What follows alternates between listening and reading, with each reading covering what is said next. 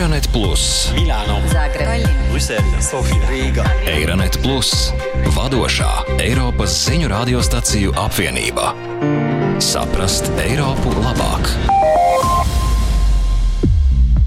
Sveicināti! Mēs atkal tiekamies Euronet Plus Green Deal jeb zaļā kursa raidierakstā. Lielākā daļa no mums ir gatavi zināmā mērā mainīt savu dzīvesveidu planētas labā, cerot novērst turpmākas klimata pārmaiņas, bioloģiskās daudzveidības samazināšanos un vīdes degradāciju. Bet ko nozīmē zināmā mērā? Cik tālu mēs patiešām esam gatavi iet, kad runa ir par kompromisiem mūsu ikdienas dzīvē? Jurnet plus žurnālisti ir uzrunājuši cilvēkus visā Eiropas Savienībā, lai noskaidrotu, kādas ir viņu robežas un mēģinātu saprast, kas palīdzētu tās pārvarēt. Gostava de ser mais verde. Es gribētu būt vidē draudzīgāka un, piemēram, uz darbu braukt ar velosipēdu, bet, diemžēl, maršruts nav drošs un par to man ir jādomā.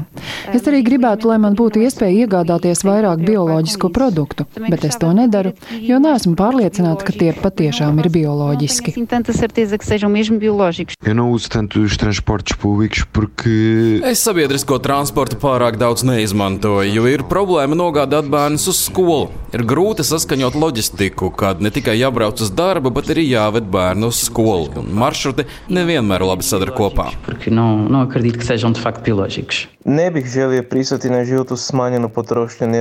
Es nepiekrītu dzīvei ar samazinātu enerģijas patēriņu, lai saglabātu dabu, un es nepiekrītu dzīvei ar samazinātu automašīnas lietošanu piesārņojuma dēļ, bet es piekrītu atteikties no vienreiz lietojamiem plasmasas produktiem, jo es tajā redzu jēgu.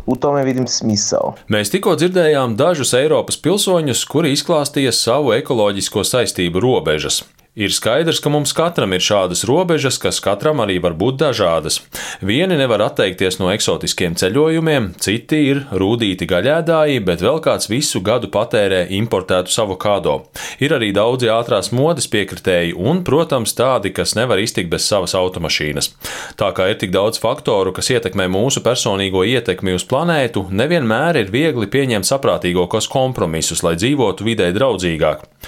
Polijas radio vaicāja Varšavas Universitātes socioloģijai Dominikai Blahnickai Ciecekai, vai viņa var izskaidrot cilvēku uzvedību šajā jautājumā. Polacy zdają sobie sprawę z wagi e, problemów ekologicznych, którymi Lielākā daļa no mums, daži pētījumi liecina, ka 3 ceturdaļas polijas sabiedrības, citi līdz pat 80 vai 90 procentiem, principā piekrīt, ka mūsu planētas stāvoklis ir nopietns un ir jārīkojas.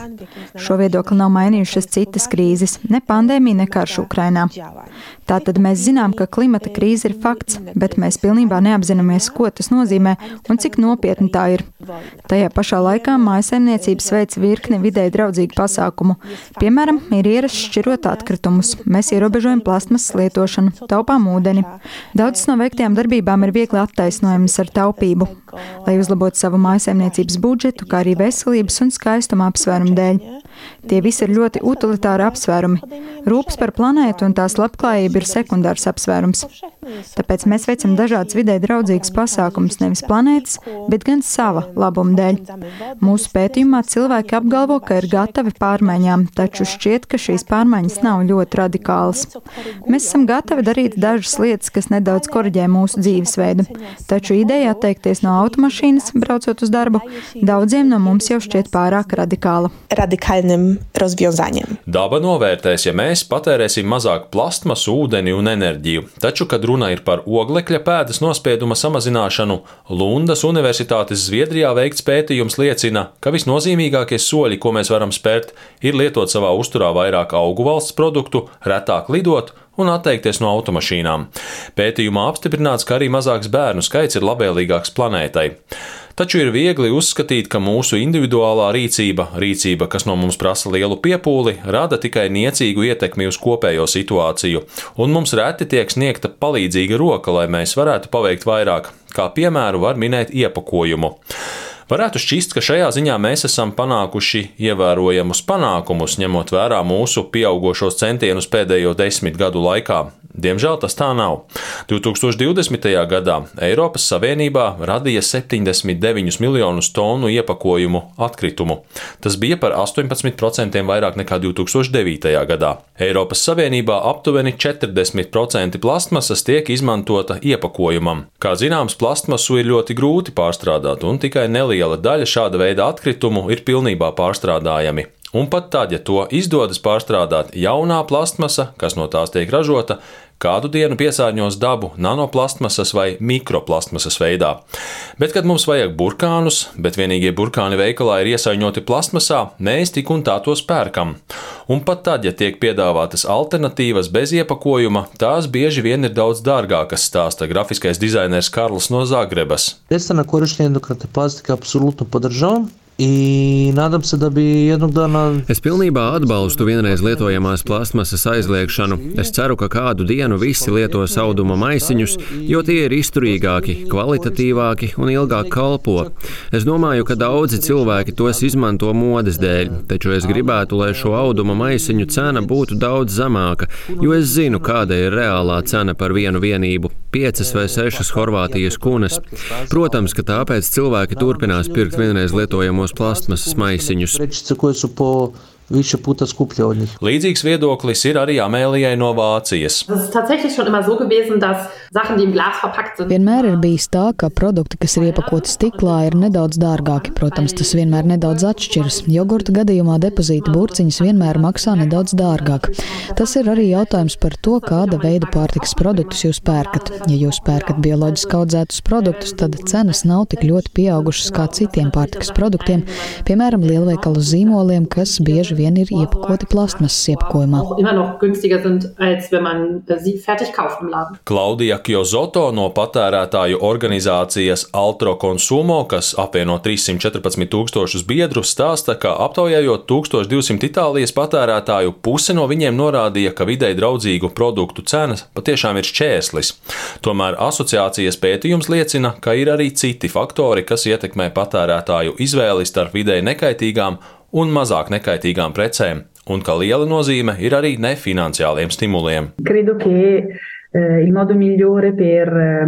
Es uzskatu, ka labākais veids, kā palīdzēt iedzīvotājiem un patērētājiem izdarīt ilgtspējīgāku izvēli, ir atvieglot šo izvēli.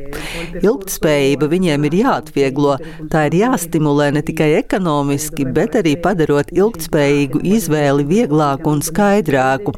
Informācijas pieejamība ir ļoti svarīga.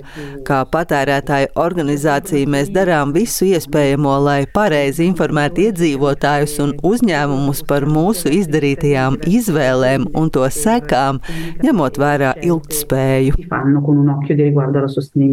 Tātad kādi stimuli un atbalsts mums kā individiem ir nepieciešams, lai katrs no mums justos gatavs un spējīgs dzīvot ilgtspējīgāku dzīvi? Šis ir jautājums, kurā valsts iestādēm noteikti ir jāsadarbojas ar uzņēmējiem un patērētājiem, lai kārtīgi iekustinātu zaļās pārējas riteņus. Slovēnijas ilgspējīgas attīstības fonda direktore Gaja Brecēlija stāsta, ka, protams, nedrīkst likt cilvēkiem vieniem pašiem izdarīt pareizo izvēli. Tā vietā jau sen ir jāveic sistemātiskas pārmaiņas. Ključno vprašanje pri tem pa je, da s prstom ne pokažemo na posameznika. Nav jārāda ar pirkstu uz cilvēkiem un jāuzstāj, lai viņi paši uzņemas atbildību par šo pārveidi, vai jārunā par mūsu individuālo dzīvesveidu.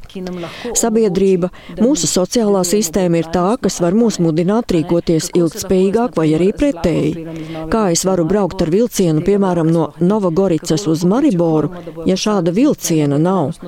Citiem vārdiem, pieprasīsim šīs pārmaiņas šīs sistēmiskās pārmaiņas, lai mēs visi kopā varētu dzīvot ilgtspējīgāk, bet kā kopiena, sabiedrība.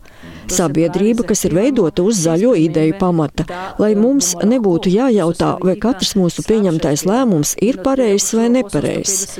Pat tad, kad mēs runājam par domāšanas veida maiņu, mums jāapzinās, ka šis domāšanas veids nav tikai atsevišķu individu personīga izvēle, kurus nekādi neietekmē apkārt notiekošais. Bulgārijas pilsētas Stara Zagoras reģionālās ekonomiskās attīstības aģentūras izpildu direktore Rumjāna Grozeva nepiekrīt šim viedoklim. Viņa stāsta, ka valdība un dažādu nozaru pārstāvji jau cītīgi strādā, lai veiktu šīs sistemātiskās pārmaiņas. Viedās pilsētas un viedās sistēmas, kas ļauj līdzsvarot patērēt enerģiju, tas viss jau tiek īstenots. Mēs skatāmies 5, 6 vai pat 7 gadus uz priekšu. Sabiedrība ir gatava spērt šo soli. Mēs arvien biežāk redzēsim viedos risinājumus mūsu birojos, mājokļos un automašīnās. Jaunās tehnoloģijas iet roku rokā ar pašu enerģētisko transformāciju. Šī transformācija palielinās mūsu komfortu, nevis mazinās to. Galvenais ir pieņemt šīs pārmaiņas. Tādēļ, ka vidē draudzīgāka un ekoloģiskāka saimniekošana nereti ir dārgāka, ekonomiskās krīzes laikā daudz Eiropas iedzīvotāji ir atteikušies no iepriekš sasniegtā vidē draudzīgākas dzīvošanas ziņā. To apstiprina Dānijas patērētāju padomes padomniece vides jā, politikas jautājumos Vībeke Jensena. Viņa pastāstīja, ka pagājušajā gada novembrī, kad krīze sasniedza augstāko punktu, 35% Dānijas iedzīvotāju pirka bioloģisko pārtiku retāk nekā iepriekš. Taču Jensena norādīja, ka Dānijas iedzīvotāji, līdzīgi kā citu Eiropas Savienības dalībvalstu pilsoņi, pievērsās citiem zaļākas saimniekošanas veidiem. Piemēram, mājās ieviesa energotaupības pasākumus un veica citas izmaiņas iepirkšanās paradumos. Ekonomiskā krīze apvienojumā ar klimata krīzi ir patiešām labs stimuls domāt par to, kā mēs patērējam.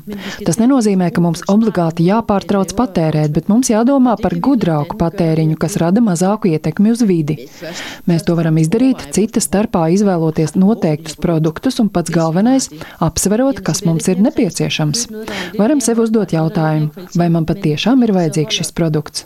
Ja ir, tad mēģināsim domāt ilgtspējīgāk, iegādāsimies kaut ko, kas ir nedaudz izturīgāks, kaut ko kvalitatīvāku. Tas ne tikai ietaupīs resursus, bet arī būs izdevīgāk mūsu budžetam. Tātad, ja reizēm jūtaties slikti, ka nespējat atrast pareizo līdzsvaru starp vides apziņu un ikdienas dzīvi, tad ziniet, ka neesat vieni. Bet atcerēsimies, ka Eiropa ieņem vadošo lomu pasaulē ilgspējīgās pārmaiņās, tāpēc centīsimies darīt visu iespējamo, ko mēs kā pilsoņi varam darīt, lai atbalstītu un veicinātu šos centienus. Tas arī viss šajā reizē, un uz tikšanos! Eironet Plus, Milāno, Zagreb, Brisele, Sofija, Rīga. Eironet Plus, vadošā Eiropas ziņu radiostaciju apvienība. Saprast Eiropu labāk!